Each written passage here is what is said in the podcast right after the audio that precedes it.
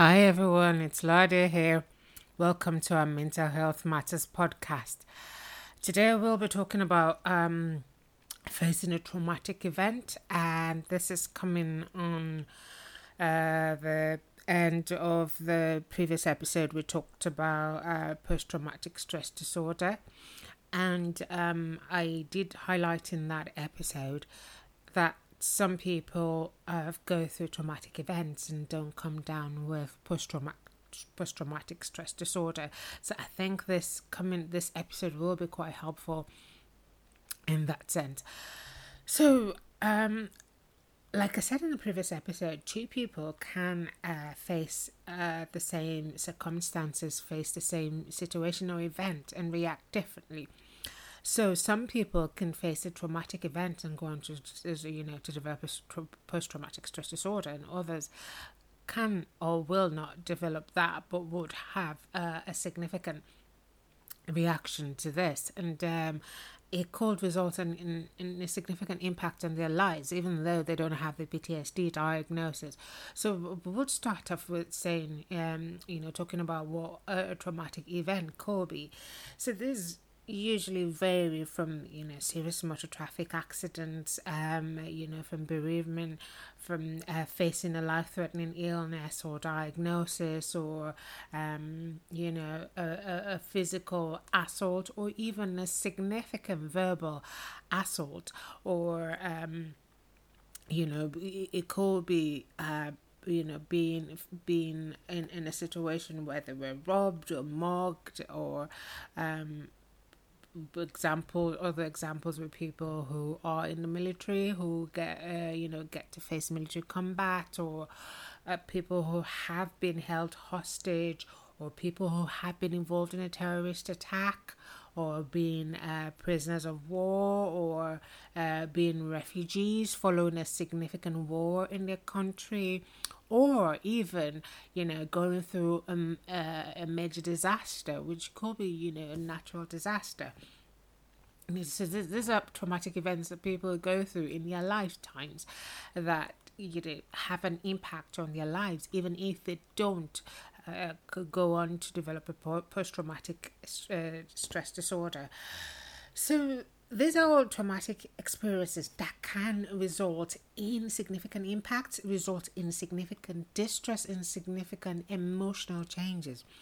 What usually happens following such, a, such an event a lot of a lot of people go through that phase of you know being in shock being numb or you know feeling uh, dazzled by it or uh, where they, they, they feel they're not in in in uh, in touch with the environment or in touch with themselves. They feel cut off from everything around them from their feelings of the people around them or whatever is going on around them and then the you know there's also the phase of being in denial where it, this tends to happen, especially in bereavement, um, where it's really really quite difficult to accept what has happened or come to terms, you know, with the passing on of of a loved one, or um, you know having to to to move on from from you know from the loss of a loved one.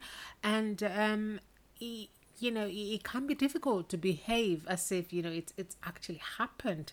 And um, when people are in denial they, they, they, they behave and they think like it hasn't happened oftentimes um, people who have lost a loved one will still be referring to them in the present tense you know. And um, this usually happens in the denial phase.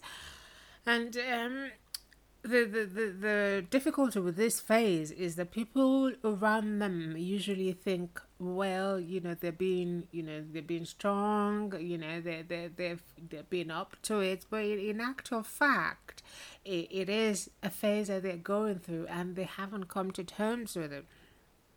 And this usually lasts. Uh, it, it, it varies. The duration usually varies. If it could last for days or hours, and over time though it starts to fade and people start start to come to terms with it and, and you know the feelings start to uh, settle and you know, people start to, you know, come to the realization that this has happened and what's next and what's going to happen even though they, they, they've gone through the denial phase, the emotions are still there. And, you know, the emotions people feel in reaction to trauma, this traumatic events, uh, you know, varies. It, there's, there's the fear of, um, of what has happened occurring again and the fear of you know be, being faced with with that same uh, you know scenario or situation again and also the fear of you know losing control of their feelings uh, because you know that had happened in the initial phase where they were you know they were numb or they were shocked and that usually leaves uh, a lot of people feeling quite uncomfortable. There's the feelings of guilt, um, especially if it has if it has to do with you know bereavement or um, maybe it, it has to do with being taken hostage or being mugged and people tend to start looking and maybe blaming themselves that if I hadn't done this or if this hadn't happened so this these are also feelings that people go through. Then there's the p- feeling uh, of being helpless and hopeless where uh, you know something bad has really happened and they feel quite vulnerable um, because this has happened. And you know the thoughts of of of that actually happening to them pardon me with all that they have put in you know makes them feel like um you, know for example somebody who's lived a healthy life or somebody who's never smoked who you know, gets to have a diagnosis of a of a terminal illness um maybe like a, an advanced phase of lung cancer and you know they start to feel hopeless so, you know i did feel i did fulfill all righteousness in terms of not smoking or not drinking or living a healthy life. So so how come I still got this diagnosis or how come I still got this um, illness? And then there's the feelings of you know sadness, um, which is quite normal following events like this. And there's also the feelings of anger, and this tends to happen, you know, probably in motor traffic accidents where there has been, you know, uh, fatalities, and it's been somebody else who's been responsible. So there's you know that feeling of intense anger towards the people responsible or maybe in a terrorist attack. Also there's a feeling of shame. And this tends to happen in victims of sexual assault you know where um it, it is quite uncomfortable um which is to be expected for them to talk about it and you know you know having to express um, the feelings about what happened or having to recall all the details makes them feel embarrassed to talk about it. And then um, there's also, you know, sometimes the feeling of relief. Um, for example, in, in, in natural disasters or maybe man made disasters, when the whole thing is over and people start to look towards recovery of, of you know of, of all that has been lost or damaged uh, there's there's that feeling of relief which comes through. So the, these are normal emotions you know that follow a, a traumatic event that occurs in people's life a few other things that happen which are normal will be um, difficulty with sleep, you know, difficulty with energy, always feeling tired, difficulty concentrating, or memory problems, difficulty feeling in touch with the environment, difficulty in, in keeping you know, in keeping people around them abreast of what's going on with them. And then there's also, you know, changes in appetite or changes in sex drive or even physical symptoms like aches and pains. And also palpitations where they feel their heart is really really really really you know beating fast and they can hear it out loud. So these are usual um, things that follow traumatic events. And uh, sometimes they don't lead up onto developing post traumatic stress disorder. So, how can people who have gone through traumatic events help themselves, and how can loved ones help them? So, what should be done? First thing is to note that time helps a lot.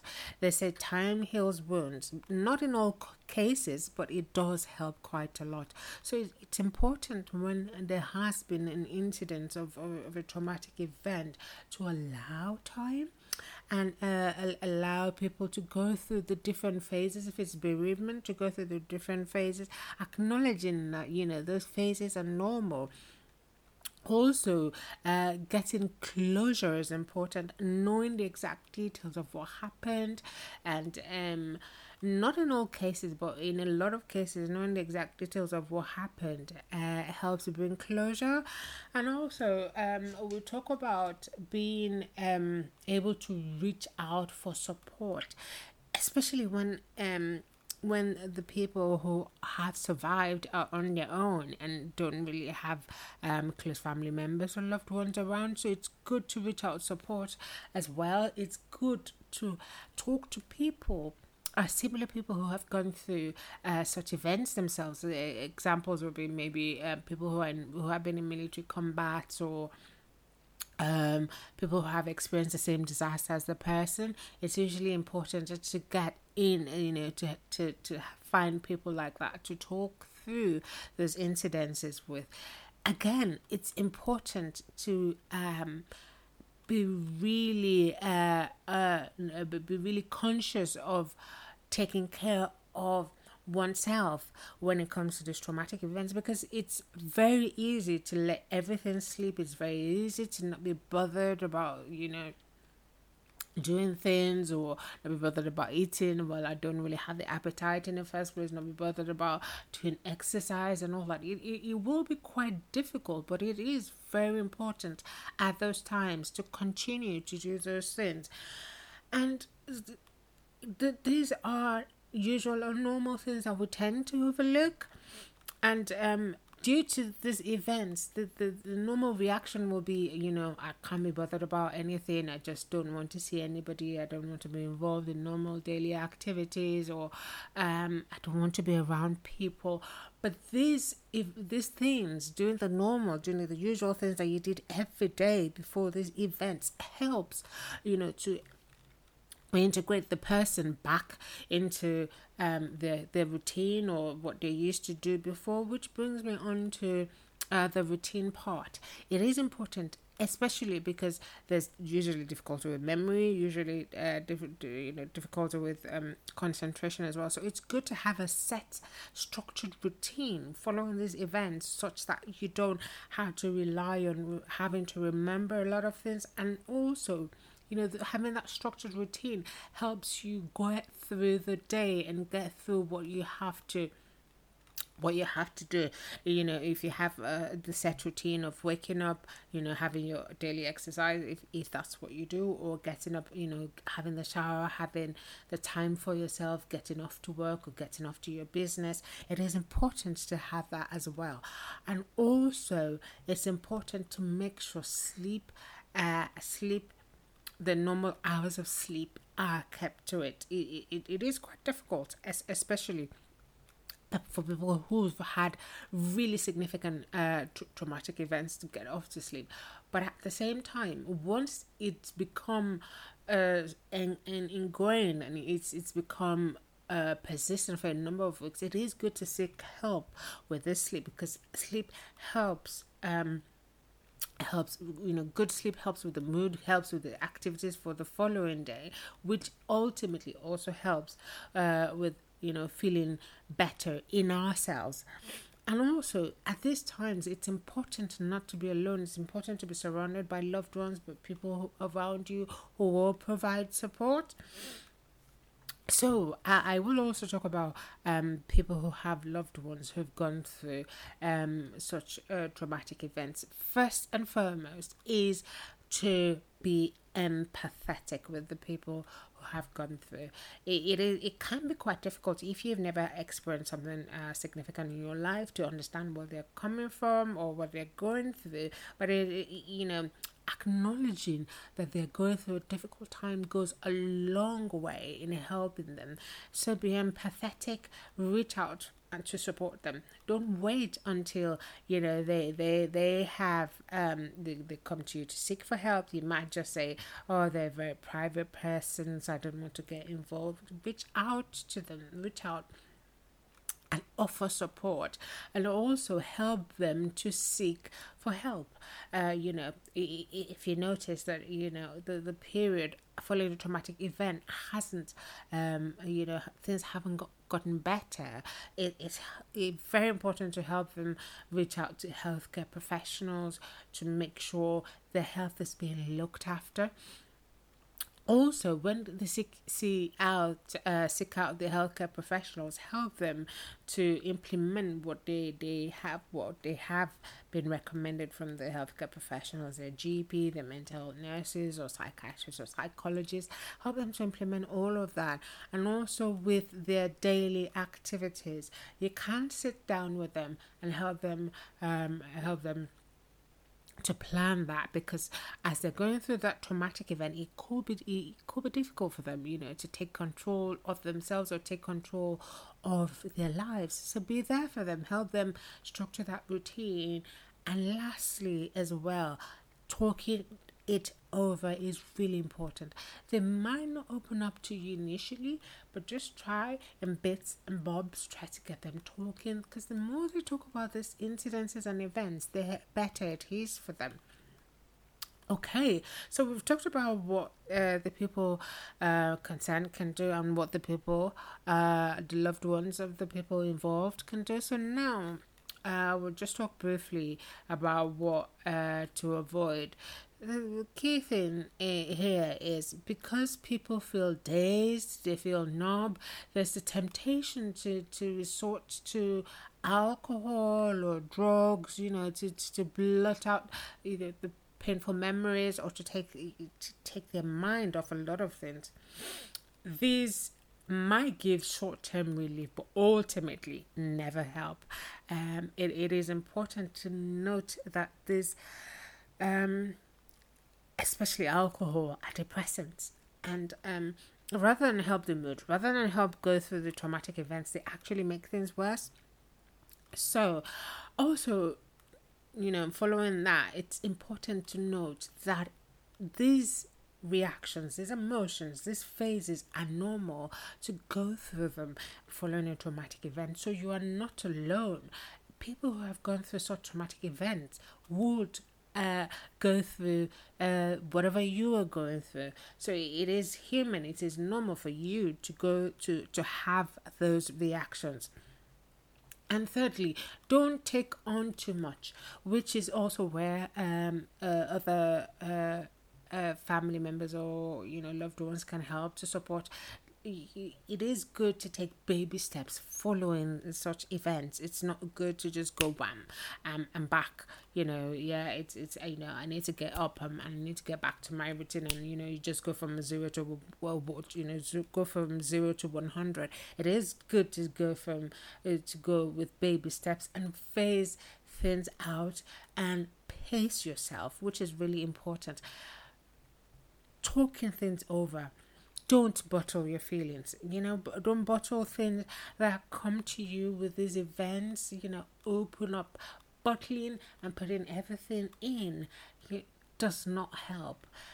It could be difficult for people who are introverts or who you know very private to open up and talk to others about it. But the, ultimately keeping things in don't help you or the people around you. And also, do not decide not to seek professional help. It is better to go to the professionals and let them say, well, this is what, you know, this is what you, this is normal, this is what is expected after such a traumatic event, rather than, you know, months or years down the line and, it, it, you know, everyone is like, how could you have kept all this to yourself? So it's better to err on the side of caution. And, um, rather seek professional help rather than not seek professional help. So I hope I have been able to talk a, a, a little bit about um, you, this um, how to cope after um, a traumatic event.